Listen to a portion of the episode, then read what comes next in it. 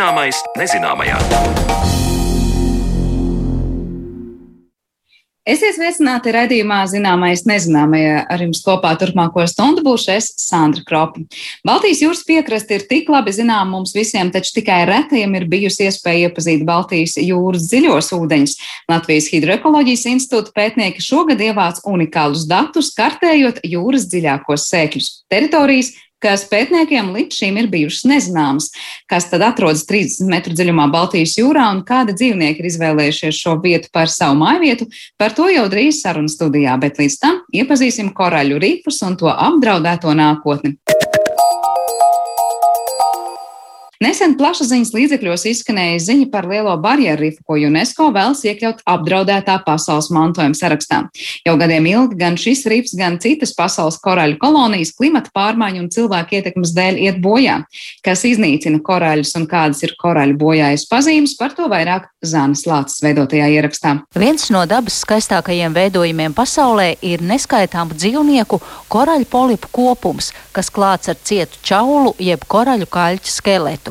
Diženākais no šādiem rifiem, kas neskaitām salu veidā gan virs, gan zem ūdens, ir lielais barjerrifs Austrālijas krastos. Tas stiepjas 2300 km garumā, un šāda veida ekosistēma ir patvērums vairākām zemūdens dzīvnieku un augu sugām. Nav nekāds jaunums, ka šis rifs klimata un cilvēku saimnieciskās darbības rezultātā ik gadu zaudē savu apjomu. Kopš 1985. gada aptuveni puse no rifa ir gājusi bojā un ir apdraudētas vairākas dzīvnieku un augu sugas.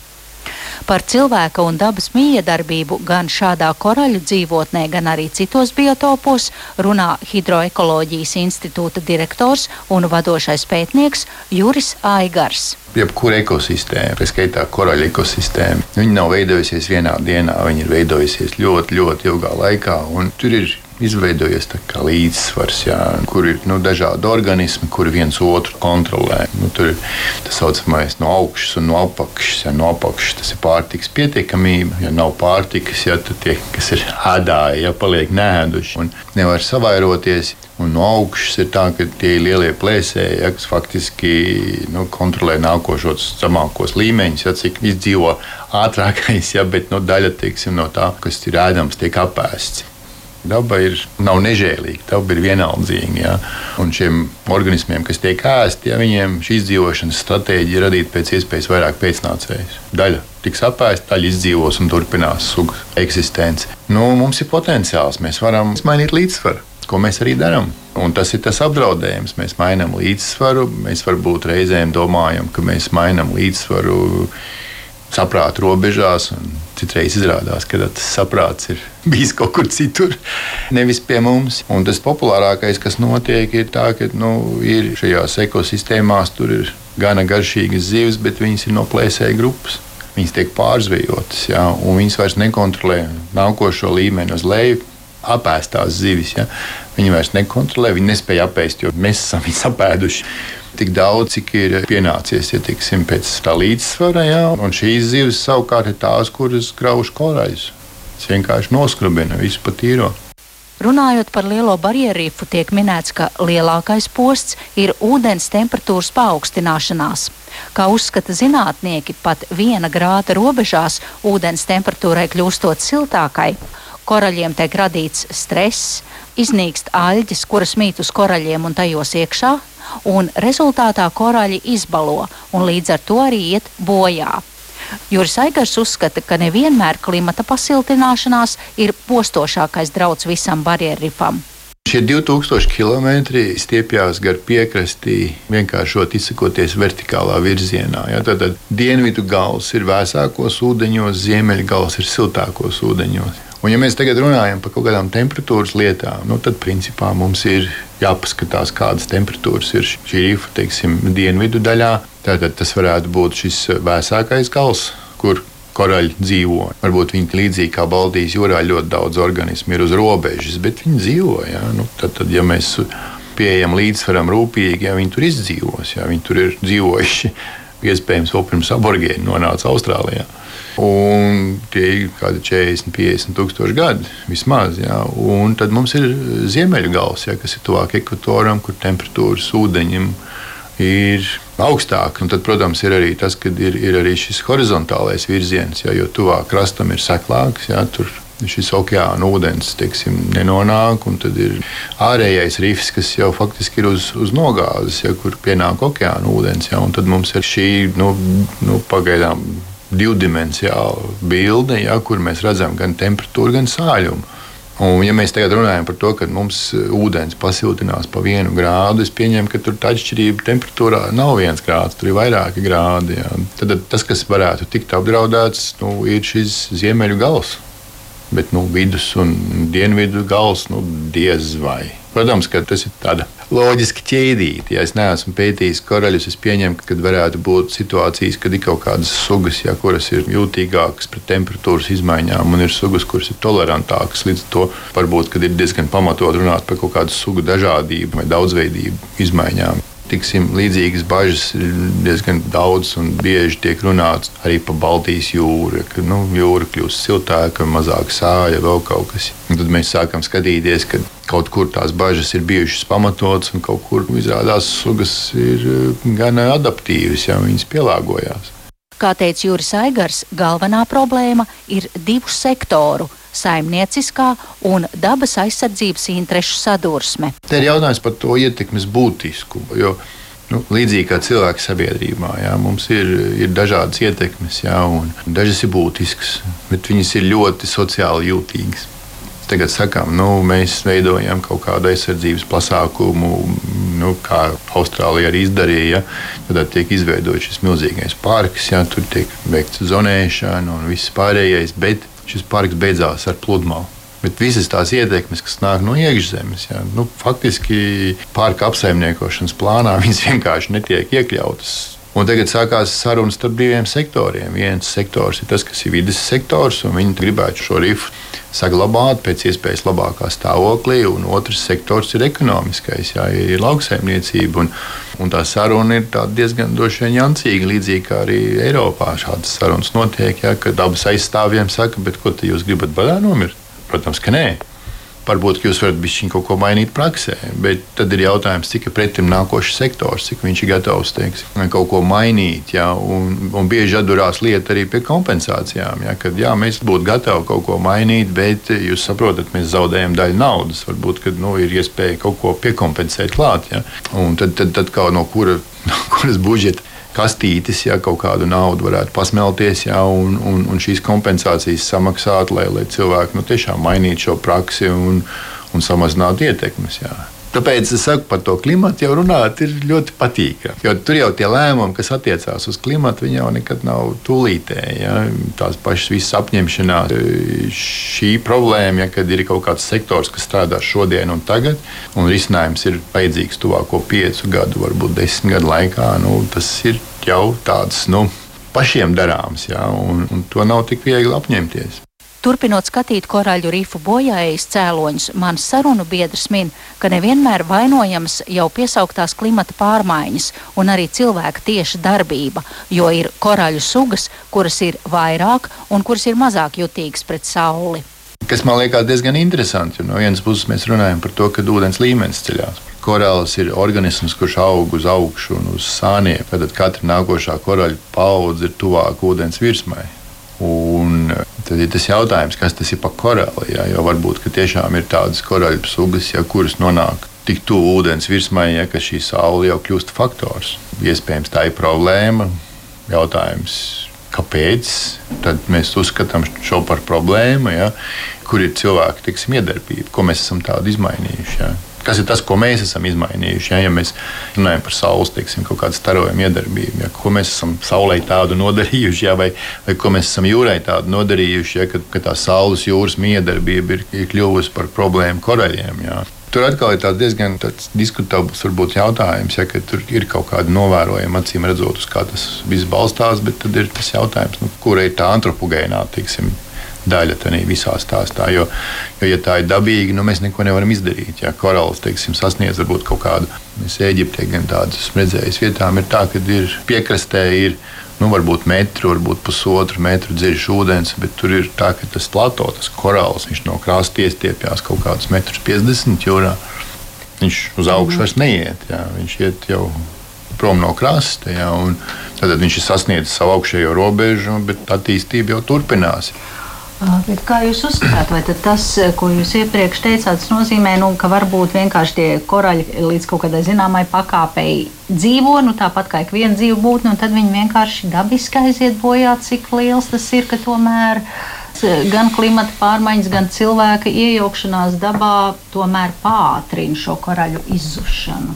Nē, cilvēka iedarbība noteikti pātrina kaut vai šī pat pārzveja šis pats ūdens piesārņojums. Ja, nu, dabīgi dabā tas tā nav. Dabā tomēr ir šis līdzsvars, ja, kurš nu, attiecīgi vidē tur ir izkopies ja, daudz, daudz, daudz gadu laikā. Ja, koraļi var tikt iznīcināti, protams, arī dabīgi. Ja, ir vētras, ja, kas iznīcina, ja, un tad ir droši vien ļoti ilgā laikā, bet tomēr atjaunojās kaut kas. Bet tad ir, protams, arī tas, ka koraļi kā jebkurš dzīves organisms jūras, ja, nu, viņi aug tajos apstākļos, kas viņiem ir vispiemērotākie. Tad, kad tiek sasniegta tā vides daļa, kas nav piemērota. Ja, nu šī augšana, protams, apstājās. Es pieņemu, ka to var gan labi redzēt. Ir salas, kur ir tie atoli apkārt. Ir koraļa atoli, kas veido gredzenus. Šie gredzeni, nu, atkal, ja tas gredzens ir pietuvies ūdens virsmai, nu, tad viņš ir viss, viņš jau uz augšu vairāk neies. Viņš ir sasniedzis savu dabīgo robežu. Ja, bet, bet tas nenozīmē, ka tur koraļi neaug vispār. Viņi aug, bet viņi aug dziļākos ūdeņos ja, un veido varbūt nākošo apli. Ja. Bet tas, ka mēs ietekmējam, tas ir viennozīmīgi nozīmīgi, protams. Sekas korāļu iznīkšanai nav un nebūs tikai vizuāls rops dabas ainavā. Rifi ir mājvieta vairākiem simtiem zivju sugu. Iznīks šīs zivis, pirmkārt samazināsies dabas daudzveidība un tiek izrauts svarīgs posms ekosistēmā, un otrkārt arī šo zivju zvejniekiem zudīs darbs un ienākumi. Jautājums, kā gan mūsu latviešus, dzīvojošus tūkstošiem kilometru tālu no koraļu rifiem, varētu ietekmēt šis stāsts? It kā jau nekādi, bet runa ir par attieksmi pret dzīvo dabu visapkārt. Tā ir attieksme, kur eh, mēs tādā pašā veidā mēs esam pieraduši. Man taču no tā nekas, no kas man no tā. Un, un, un, un tad mēs šādā pašā veidā pēkšņi sākam izturēties pret lietām, kas arī mums ir svarīgas ja mums tas nerūp kā cilvēkiem, kam tad tas rūpēs? Jā? Es vienkārši varu minēt, piemēram, ja, kad ir, ir aizliegts jā, vietās, kur šie korāļi rifi ir. Jā, tur nezinu, vai visās, jā, bet daudz kur ir, ir aizliegts noamkurot laivu, ir aizliegts lauzt korāļus, ir aizliegts daudzas lietas darīt. Jā. Tā ir tā, nu, mūsu pašu atbildības sajūta. Ja cilvēki saka, ka nu, šeit nedara to, nu, tas nav labi. Ja. Nu, mēs nedarām, mēs jau esam devuši kaut kādu ieguldījumu, lai tas saglabātos. Jā. Izšķiršanās jautājums. Jā. Vispirms mums ir labklājība, ekonomiskā izaugsme, nu, vide. Nu, vide. Pa vidi mēs domāsim pēc tam. Jā. Bet ar vidi ir tā, ka nu, nu, nu, vide nav tik viegli atjaunojama nu, ekonomisko labklājību ir vieglāk izveidot nekā atjaunot vidi. Tas apmēram tāpat kā cilvēks. Ja, teiksim, kamēr viņš ir jauns, viņš par veselību nedomā, oh, viņš ir spēcīgs. Ja, kāpēc? Ja, tad, kad viņš vairs nav tik jauns, tad pēkšņi izrādās, ka nu, daļa no sūri grūti sapelnītā ir jāinvestē veselības aprūpē. Varēja varbūt investēt mazāk, ja būtu pārdomātāk rīkojies, kad bija jauns un spēcīgs. Ja, nu šeit tieši tas pats, tā pati motivācija. Par korāļu rifu bojājas cēloņiem un sekām stāstīja Latvijas Hidroekoloģijas institūta direktors un vadošais pētnieks Juris Aigars, bet raidījuma turpinājumā parunāsim par rifiem Baltijas jūrā.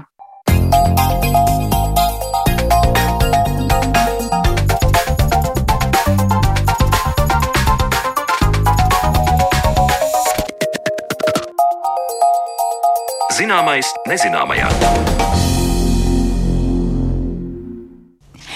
Baltijas jūrā šovasar notiek īpaša izpēte, kas ļaus pētniekiem gūt pilnīgāku priekšstatu par jūras vidi tās dziļākajos slāņos.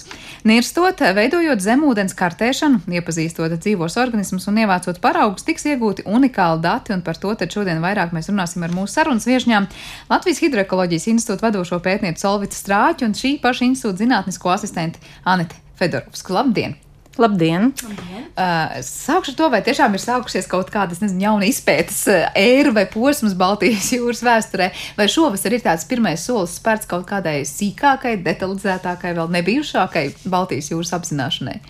Mēs tieši tā arī varam runāt, ka šobrīd mums sākas jauns posms detalizētākai Baltijas jūras izpētēji Latvijas ekskluzīvās ekonomiskās zonas ūdeņos. Ja līdz šim mēs esam kartējuši, pētījuši un detalizēti niruši un, un uzzinājuši visu par piekrastes teritorijām, tad šobrīd tās ir dziļie jūras ūdeņi, un tā precīzāk varbūt tās varam runāt par dziļajiem jūras sēkļiem. Jā, par tām dzīvotnēm mēs tad parunāsim, bet saprotu, Anita ir viena no tām, kas piedalās tieši šajās niršanas uh, pasākumos un tajās izpētēs. Kā tas notiek? Tikko es sapratu, es atgriezusies no viena tāda izpētes brauciena. Jā, bija iespēja piecas dienas piedalīties šajā pirmajā izpētes reisā, kad um, tika vispirms veikta video filmēšana, kad um, kā, tika iegūts priekšstats par to, ku, kas tur apakšā notiek, kā tur izskatās. Un uh, tajās izvēlētajās teritorijās arī bija iespēja ienirt un uh, apskatīties. Un uh, jāsacina, ka uh, nu, pirmie iespaidi bija lieli un um, iespaidīgi, um, jo nu, šīs teritorijas atšķīrās no tām, ko mēs redzam piekrastes zonā. Tas bija bagātīgi apaugušas ar gliemenēm, un um, arī šie akmeņi bija reizēm tik lieli, ka man bija jāiesauc vai tie ir kā leduskapji.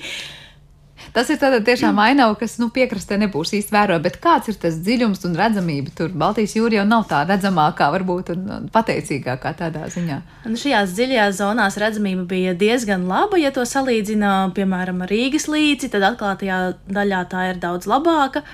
Um, nu, varētu pat teikt, ka tie varētu būt 10 līdz 15 metri. Bet zināms, kādā ir jānirst tajās vietās? Nu, ap 30 metriem. Diezgan jau nav tā, ka ir tik ļoti tumšs un kaut kā nu, ne īpaši dzidrs tas ūdens, lai teiktu, nu, mēs tur saskatām tiešām skaistas ainavas. Nu, varētu teikt, ka tumsa tā ir tāda zināma diskomforta zona, un tad arī izmantojam lukturus. Um, tomēr tumsa bija vērojama kādās divās no visām reizēm. Uh, cit, citur bija vai nu krēsla, vai uh, nu, diezgan gaiša, lai varētu arī pat bez luktura veikt šos darbus. Cik dzīves ir šīs zonas? Nu, pieminēja Solvit arī to, ka tie ir šie sēkļi. Ja? Varbūt tās precīzāk pat var raksturot. Ja mēs zinām, ka piekrastē Baltijas jūrā ir varbūt pirmais smilšu sēklis, otrais smilšu sēklis, trešais smilšu sēklis, tad šajā dziļumā šie sēkļi būtu tādi kā akmeņu krāvumi. Jo e, tā tad e, mēs meklējam to daļu, kur jūras grunts pārklājums ir vismaz simtprocentīgi ar dažādu lielumu akmeņu krāvumiem. Līdzīgi kā jau Tāneta pieminēja, ir gan tādi pavisam mazi oļakmeņi, un tad ir tādi milzu, kas e, tiešām dažreiz izskatās ārkārtīgi lieli video filmās, arī nirstot. Nu, video filmās bieži vien ir grūti novērtēt, cik liels varētu būt šis te, uh, konkrētais akmens. Tāpēc tikai ienirstot var iegūt paraugu. Un tāpēc uh, arī šie sēkļi, kas ir Baltijas jūras ekskluzīvā ekonomiskajā zonā, uh, jāatzīmē man, kad mēs pirmo reizi to veicam tik detalizētu tādu izpēti. Bet līdz šim tātad nu, bija skaidrs, ka tur ir šie akmeņu, krā, akmeņu krāvumi.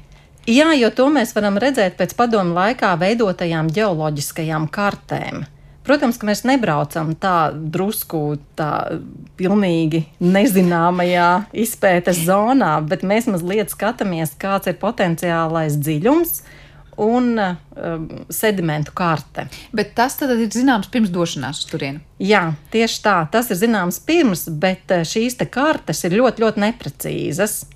Jo tajā laikā varbūt nebija iespējams iegūt ar tādām detalizētām metodēm, kā iegūst mūsdienās. Nu, tā piemēram, 70. un 80. gados bija iespējams nolaist grunts kausu. Šis kauss varēja uh, paņemt paraugu tikai tajās vietās, kur bija smiltis. Un tāpēc ļoti plašos laukos liekas, ka mums ir sēklis, kas mums asociējās ar smilšu sēkļiem. Bet šobrīd, iebraucot jūrā un kartējot ar mūsdienu metodēm, mēs redzam, ka tie netuvu neatbilst šim te pilnīgi esošiem smilts sēklim, bet tie ir dažāda veida akmeņi, to krāvumi, kas, protams, mijas ar šiem smilšu laukumiem. Un tad mūsu uzdevums ir saprast, cik liela ir šāda teritorija. Bet tas, ka tur ir tie akmeņi, tas nozīmē, ka tur ir noteikti sugas, kas to apdzīvo. Ja? Tad tie akmeņi ir tāds labs pamats piesautām gliemenēm vai kam citam? Jā, gliemenis tiek uzskatītas kā tāda lietusarga suga, kura tieši saistīta ar šiem cietajiem substrātiem, ar akmeņiem. Um, ir arī, protams, uh, dažādas mīksto substrātu sugas, kuras um, arī ir um, sastopamas šajos, uh, tomēr tās netiek uzskatītas kā uh, šo te uh, biotopu veidojošās sugas. Bet tas, ko redzējāt tur lejā, tad pašas gliemenes bija, akmeņi bija, leduskapa formā bija. Viss bija gan akmeņi, gan, gan kā lai saka, leduskapji, gan arī ļoti, ļoti daudz šo te gliemeņu. Un arī iz, iz, izceļot šo te paraugu ārā, jau to tālāk apstrādājot, var redzēt, ka tā, tur ir ne tikai gliemenes, bet arī vēžveidīgie organismi, kā sānpeldes vai arī jūras zīles. Nu, tad precīzāka informācija tiks iegūta jau detalizēti izpē, izpētot. Bet jūs tajā tehnoloģijā tehnoloģisko nezinu, klāstā, rīku klāstā. Ir tāda gan arī kameras, jūs filmējat to, kas tur notiek, jūs tur paņemat paraugus vai vienkārši veicat novērojumu, kas tur ir. Tā secība ir um, aptuveni tāda, ka vispirms tiek uh, veikta filmēšana, uh, tiek reģistrēts to, ko var redzēt tieši šajā video. Uh, novērojumā nevienmēr tas būs ļoti precīzi. Tomēr, Bet tas ir no augšas, ja vēl no augšas, jā, no, no kutera nolaiž lejā uh, tādā elektrības vadā kameru. Uh, kuru, kuru var vadīt, un attiecīgi tiek veikts 50 metru aptuveni transektas šis te uzņēmums. Tad filmētājs nosauc, ko viņš novēro, un attiecīgi tas tiek reģistrēts protokolā. Un tad pēc tam jau Nirēja dodas dzelzmē un jau ievāc fiziski šīs gliemenes, gliemeņu paraugus noteiktā paraugu laukumā, kas mums ir 20 x 20 centimetri. Uh, izmantojot sieta maisu un tiek paņemti trīs šādi atkārtojumi, lai varētu savā starpā tālāk salīdzināt. Un tas, ko iegūst no tā visa par gliemenēm, lai sugu noteikti, vai daudzumu, vai kas ir tie jautājumi? Jā, papildus varbūt tās pie mums šī tehnoloģija klāsta, ko tikko Anete minēja. Mums būs vēl viens parametrs, jo ar zemūdens video filmēšanu mēs varbūt iegūstam šo te punktveidu informāciju katrā konkrētajā vietā bet eh, nākamajā gadā mēs veiksim tā saucamo zemūdens grunts skanēšanu ar speciālu ierīci, kas ļaus daudz plašākā teritorijā novērtēt grunts sastāvu virsmas. Un līdz ar to, eh, komplektējot šos trīs dažādos paraugu iegūšanas veidus, tad mēs spēsim vislabāk raksturot substrātu.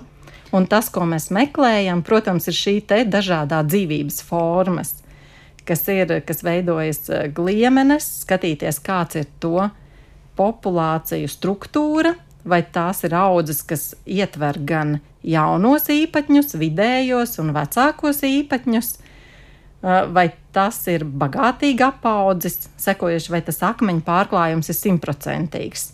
Jo ļoti īpatnēja lieta bija tāda, ka šī teritorija ir gan liela. Viena gada laikā varbūt to nebūs iespējams uh, var pilnīgi visu detalizēti veikt.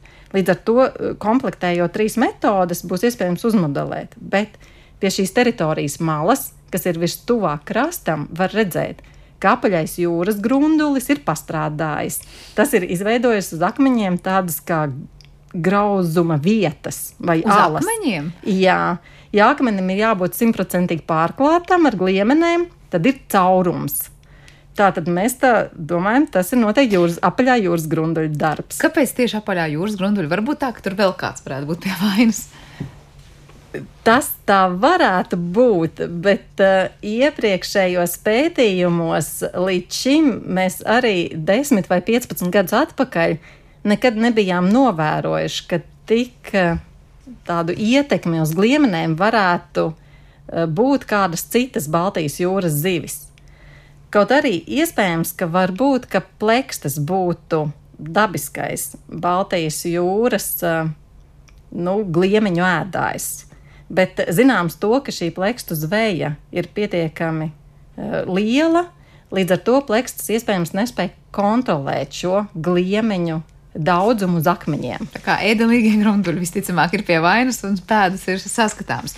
Vai šie akmeņu krāvumi ir tie saucamie rifi, par ko mēs bieži runājam, zemūdens rifi Baltijas jūrā? Ja? Un tad parasti ir tas, kā cilvēkiem liekas, kādi ir rifi, un vai tiešām no mums par koraļu rifiem parasti ir, ir, ir, ir tas priekšstats. Tātad akmeņu krāvumi Baltijas jūrā tas tāds izplatīts biotops, no nu, dzīvotne.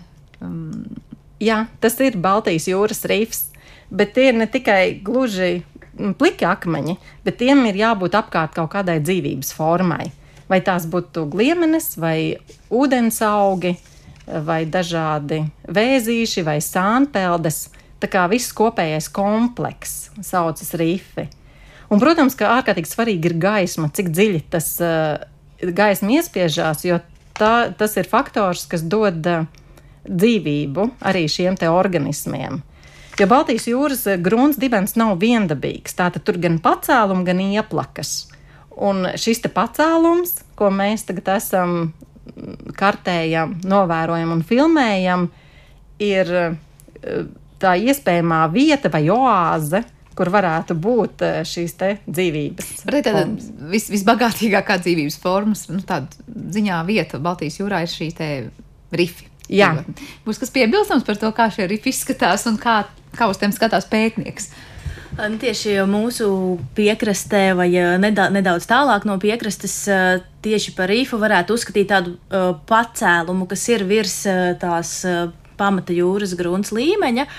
Un, jau no akmeņu rifi un šie sēkļi ir uzskatāmi par tādu visbagātāko vietu tieši bioloģiskās daudzveidības ziņā. Bet var teikt, ka līdz ar to mums ir pārāk maz apzināti tās vērtīgākās Baltijas jūras vietas šobrīd. Es Kur domāju, tās mēs... ir un kādas tās ir? Mm. Es domāju, ka mēs daudz ko vēl nezinām. Jo interesanti ir tas, ka agrāk mēs arī uzskatījām, ka šādu vietu ir ļoti maz. Bet tagad, jo vairāk mēs braucam, jo vairāk mēs skatāmies, šādu vietu varētu būt vairāk nekā mēs līdz šim esam zinājuši. Tas ir tāds ārkārtīgi interesants fenomens, jo piekraste tomēr ir gan ietekmēta. Un, ja mums dziļajos eh, sēkļos vai dziļajās vietās, Baltijas jūras vietās, ir šādas neskartas vietas, to varētu uzskatīt par tādu tā kā donoru banku piekrastei.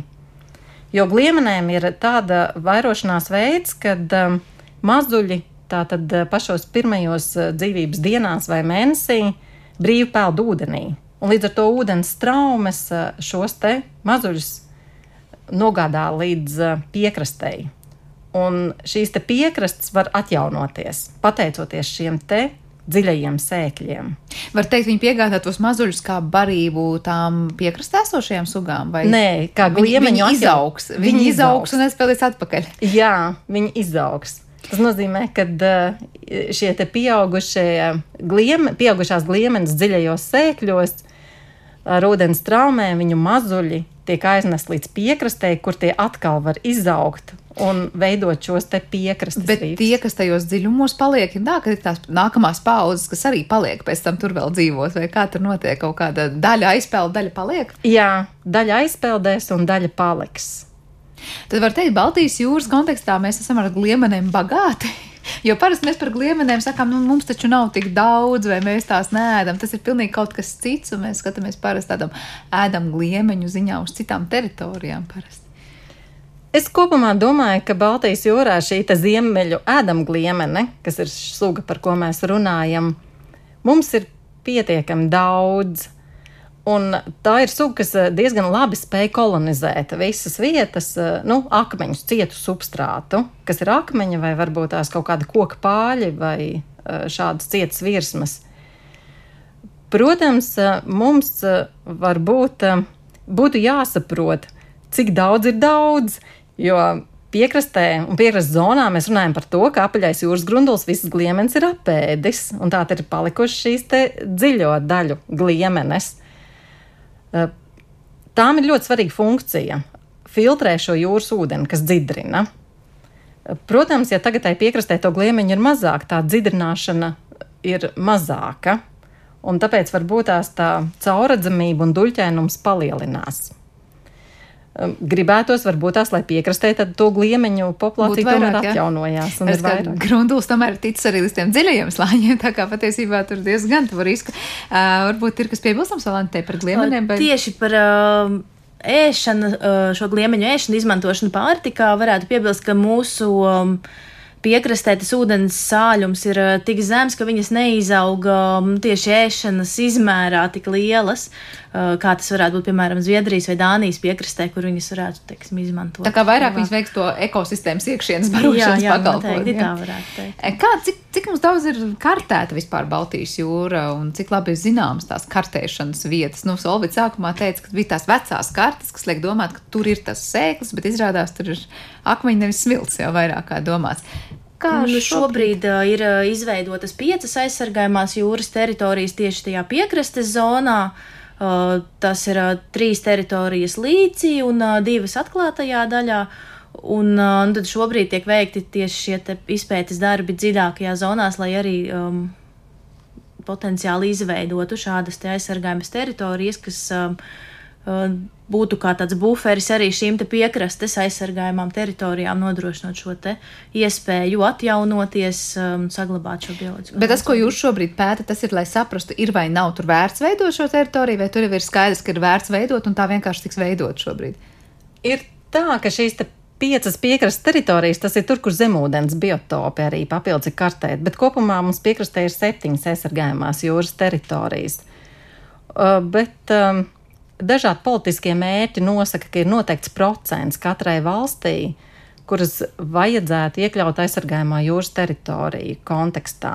Līdz šim tātad mums Latvijā ir aptuveni 15% no jūras teritorijas, kas ir aizsargājamo statusā. Bet uh, politiskais mērķis būtu šādas 30% teritorijām. Ja mēs uh, papildus kartējam un uzskatām, ka tās ir vērtīgas, tad mēs uh, tiecamies uz šiem 30% teritoriju, kas būtu aizsargājamo teritoriju statusā. Bet šobrīd tad ir uh, mērķis skaidrs, ka tad būtu vajadzīgs vairāk šo teritoriju. Tāda Jā. būtu šī. Bet tas, kādu izpēti jūs šobrīd tur veicat, parāda, ka jums ir jāpārbauda, vai tur ir pietiekoši tas, tas, tas, tas, tas zem ūdens, lai teiktu, nu, tai ir jābūt aizsargājumai teritorijai. Nu, kāpēc tieši tur viņu veidot? Kāpēc nevar būt eh, dažus kilometrus pa labi vai pa kreisi? Piekrītu. Eh, kopumā ir tā, ka um, tās teritorijas ir tik lielas, ka uh, varbūt tās nu, kādiem, kādam kilometram tam nebūtu liels nozīmes. Mums šobrīd varbūt interesē tas teritorijas kontūra, kāda viņa vispār ir. Bet mēs, to nosaka tas, ko jūs redzat apakšā. Ja tur... Jā, bet to nosaka sākotnēji mēs to veidojam uz faktoru uz dziļumu. Tātad, ņemot šīs kartes par pamata, grunta dziļuma kartes, mēs izvēlamies vietu, ka tas varētu būt sākot apmēram no 40 metriem un uz augšu. Tad mēs iezīmējam kontūru, kur šādas vietas ir potenciāli Baltijas jūrā, un tad tikai braucam un skatāmies. Un, jo Principā saules gaisma var iespiesties līdz šādam dziļumam, un tur mēs meklējam dzīvību. Nu, mēs zinām, ka dziļāk par 50, 60 metriem jau sākas zona, kur tas skābekļa daudzums ir ierobežots. Līdz ar to šādas zonas mums varbūt neinteresētu kā aizsargājumās jūras teritorijas. Tad, kad tā teritorija tiek izveidota, tas nozīmē šajā gadījumā vairāk tur ieguvējs būs tās gliemenes, vai tur mēs runājam arī par kādām citām sugām, kam tur noteikti ir jābūt, kuras ir ļoti svarīgas. Es nezinu, kā ar aļģiem tādā dziļumā, tas ir pat dziļi, tas ir. No aļģiem viennozīmīgi tur ir par dziļu, un tad uh, tur būs tikai šie dzīvnieki, kā uh, vēžveidīgie vai arī tārpi, uh, kā jau minēju, arī gliemenes, uh, sa, sastopami arī sūneņi un um, uh, tie tādi um, saudabīgi organismi, par uh, kuriem um, kā, bieži nerunā, tomēr viņi jo dziļāks paliek, jo, jo izplatītāki viņi arī Bet ir. Kaut kas, kas līdzīgāks vēžveidīgajiem, vai kas tie tādi par dzīvniekiem? Un tā ir atsevišķa dzīvnieku grupa, viņi veido tā kā inkrustējoši tādu. Mm, materiālu uz akmeņiem, uz cietām virsmām, uz gliemenēm, tāpat arī piekrastē viņi ir uz aļģiem, tomēr uh, to, tā labāka dzīves vide viņiem ir lielākos dziļumos. Bet viņu kā iekļaujas tajā visā barības ķēdē, kur ir tie sūneņi, par kuriem varbūt ir mazāk zināms, kas viņu sēd vai kas tos izmanto? Ne, viņi ir kā filtrētāji organismi, un arī viņi piedalās līdzīgi liemenēm tieši šī te ūdens um, dzidrināšanā. dzidrināšanā, jā, un uh, dažādu izšķīdušo vielu tieši filtrēšanā, ko viņi izmanto kā barības vielu. Bet nu, viņus pašus uh, īsti pārtikā neviens neizmanto. Viņi varbūt varētu būt kā uh, um, šo mazo organismu uh, vairošanās vieta vai kā substrāts, uz kura varētu teiksim, šie te paši vēžveidīgie Bet, ja apēd, piemēram, gliemenes, tur grunduļi un citi vēl jūras organismi, varētu būt tā, ka ar šiem sūneņiem panākt vairāk to ūdens dzidrību arī kaut kur piekrastē?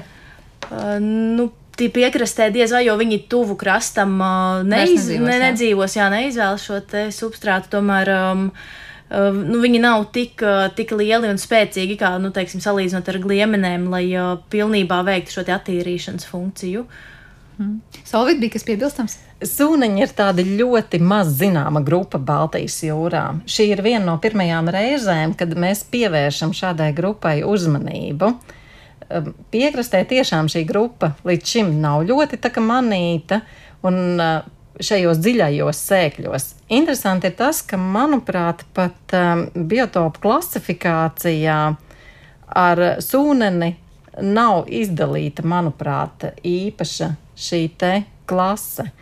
Uh, Zina to, ka uh, mēs pat esam novērojuši tādu sugu, ko līdz galam nespējam atšifrēt, kas tā ir. Esam aizsūtījuši gan uz ģenētiskajām analīzēm, bet tur vēl būtu jāpārbauda, kas varētu būt vai nu Baltijas jūrai īpaša suga, jeb varbūt tās arī kāda, nu, nezinu, endēmiska, palikusi no senākajiem laikiem. Vai arī var- seno laiku liecinieki Baltijas jūrā mums ir? Jā. Bet par to teritoriju runājot, kas eh, notiks, ja tā būs aizsargājumā jūras teritorija šajā ekonomiskajā zonā, ekskluzīvā, ko jūs runājāt? Vai tas nozīmēs, ka tur būs kaut kādi ierobežojumi, kas jāņem vērā būs, nezinu, kuģiem vai, nezinu, zvejniekiem, vēl kaut kam? Ko tas tālāk nozīmēs?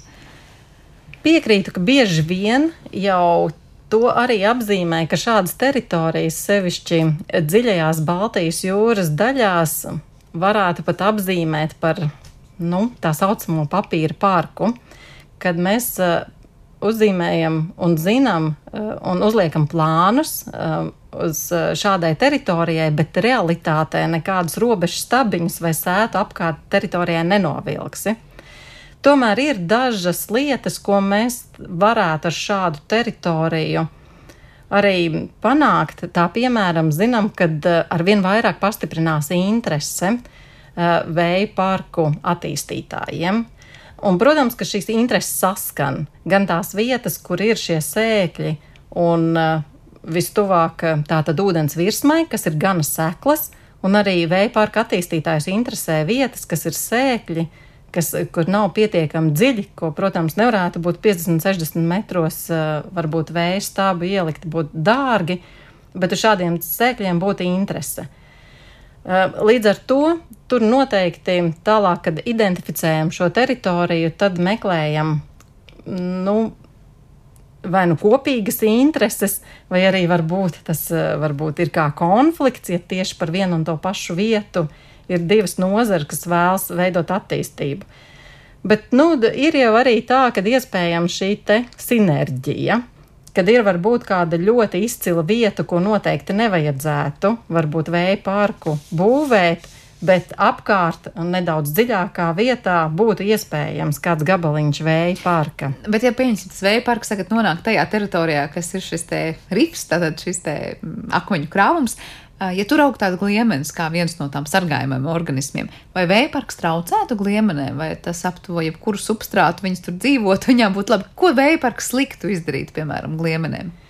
Idejiski es piekrītu, tas ir papildus substrāts gliemenēm, jo tā arī ir cieta virsma. Protams, ka varbūt vienīgais traucējums tas varētu būt īslaicīgais traucējums, kad tiek būvēts, jo tad tiek tā grunts uh, uzduļķota, un tur rodas traucējumi, varbūt smilts tiek pārnests un kaut kas tiek apbērts. Bet eh, viena interesanta lieta ir, kad eh, šādi cieti substrāti ik pa nelielam gabaliņam Baltijas jūrā, ja vēja parks tiek būvēts Latvijā, tālāk Igaunijā, pēc tam Somijā un Zviedrijā, ir papildus tāds elements, ka sugas var pārvietoties no vienas vietas uz otru vietu daudzreiz ātrāk, jo viņiem ir šī platība, kur pieķerties. Tā piemēram, ir dažas uh, liecības un pētījumi, ka medūzām arī ir vajadzīgs noteiktā dzīves stadijā piestiprināšanai ciets substrāts. Pavisam jaunos, um, jaunās attīstības stadijas veido tādas polipus. Un piestiprināties pie šiem vēja pārku stabiem, kas ir vairāk cietā substrāta, Tātad šo medūzu skaits paliek vairāk Baltijas jūrā, kas atkal mazliet savādāk izmaina um, šo te barības ķēdi, jo tās izfiltrē vairāk varbūt zooplanktonu vai fitoplanktonu. Bet, protams, man jāpiekrīt, ka varbūt ka mūsu gadījumā, ja mums tās gliemeņu ir pa maz, Var jau būt, ka šis cietais substrāts tieši atkal palielinās šo gliemeņu. Tas vienkārši parāda to, ka izveidot jaunu aizsargājamo jūras teritoriju nenozīmē aizliegt pilnīgi visu. Tas patiesībā ir gudri izvērtēt, kā ko apvienot, kur kompromisus atrast un savukārt, kur atkal nepazaudēt kaut ko ļoti būtisku zem ūdens, kas varbūt nu, tā vienkārši apbērts, pēc tam arī būtu gājis zudumā, vai ne? Tieši tā, jo, protams, ka kuģošana paliek tieši kā ir kuģu satiksme un intensitāte jau neietekmētu zemūdens biotopus. Arī peleģiskā zveja noteikti ir iespējama šajā aizsargājumā jūras teritorijā, un tas arī neietekmētu. Es pieļauju, ka varbūt arī nu, zemūdens mīļotāji, kas vēlas apskatīt kādas uh, vietas, arī īpaši netraucētu šai aizsargājumā jūras teritorijai. Tā kā varbūt to konfliktu nebūtu tik daudz. Iespējams, ka ar vēja pārka attīstītājiem mēs pat atrastu kopīgo valodu. Kas notiek tālāk? Es saprotu, vasara ir lielisks laiks, lai tiešām nirtu un skatītos, kas notiek. Ir kādi ideāli apstākļi, kas jāsagaida jūrā arī, lai dotos un pētītu, kas tur ir zem ūdens. Jā, viennozīmīgi, jo tiklīdz ir vējš un viļņi, tad šis darbs tiek traucēts un arī kamerai nav iespējas nogrimt. Ja mēs viņu viļņainā laikā iemetam ūdenī, tad, tad laiva dreifē un kā, arī kameru rauj līdzi, un mēs viņu nemaz nevaram dabūt līdz tai gruntī. Lai jā, šoreiz mēģinājām tādos vidējos vilnīšos noslogot, uzlikām svīnus virsū. Nu, tad rodas nākamās grūtības arī, ka viņa viņa tas svins atduras pret zemi un nav iespēja kā, iegūt tik labus tos attēlus, video filmu, kā, mums, kā mēs vēlētos. Bet šobrīd tālākie soļi, tad vasara vēl tikai priekšā, var teikt, darba darb pilns rokas. Jā. Domājams, ka līdz pat septembrim noteikti, jā, kamēr vien laika apstākļi atļaus, tad jāievāc pēc iespējas vairāk šo datu zināšanu. Un tad tas tiek apkopots, saprot, vairāk gadu garumā. Jā, šobrīd tas, kas ir sācies, tas ir vairāk gadu pētījums. Jo šobrīd mēs tiešām runājam tikai par vienu teritoriju, kas ir eh, pie Lietuvas robežas. Kā mēs smējamies, Latvijas Lietuvas kopīgā teritorija, jo Lietuvas zonā jau ir šī aizsargājumā jūras teritorija. Un eh, nākamo gadu periodā, kas kopumā aptver apmēram piecus gadus, mēs plānojam eh, tātad veikt šādus pētījumus četrās teritorijās.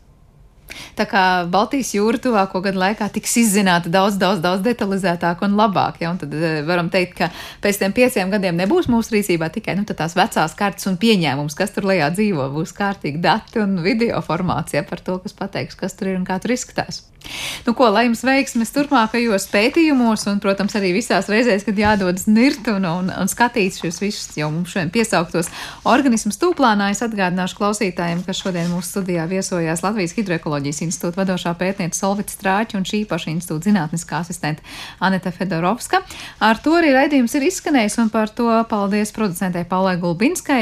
Pie pulta šodien bija Kristīna Dēle, par mūziku savukārt parūpējās Girds Pišs, bet ar jums kopā bija Sandra Kropa. Mēs Mēs tiekamies jau pavisam drīz. Vislabāk!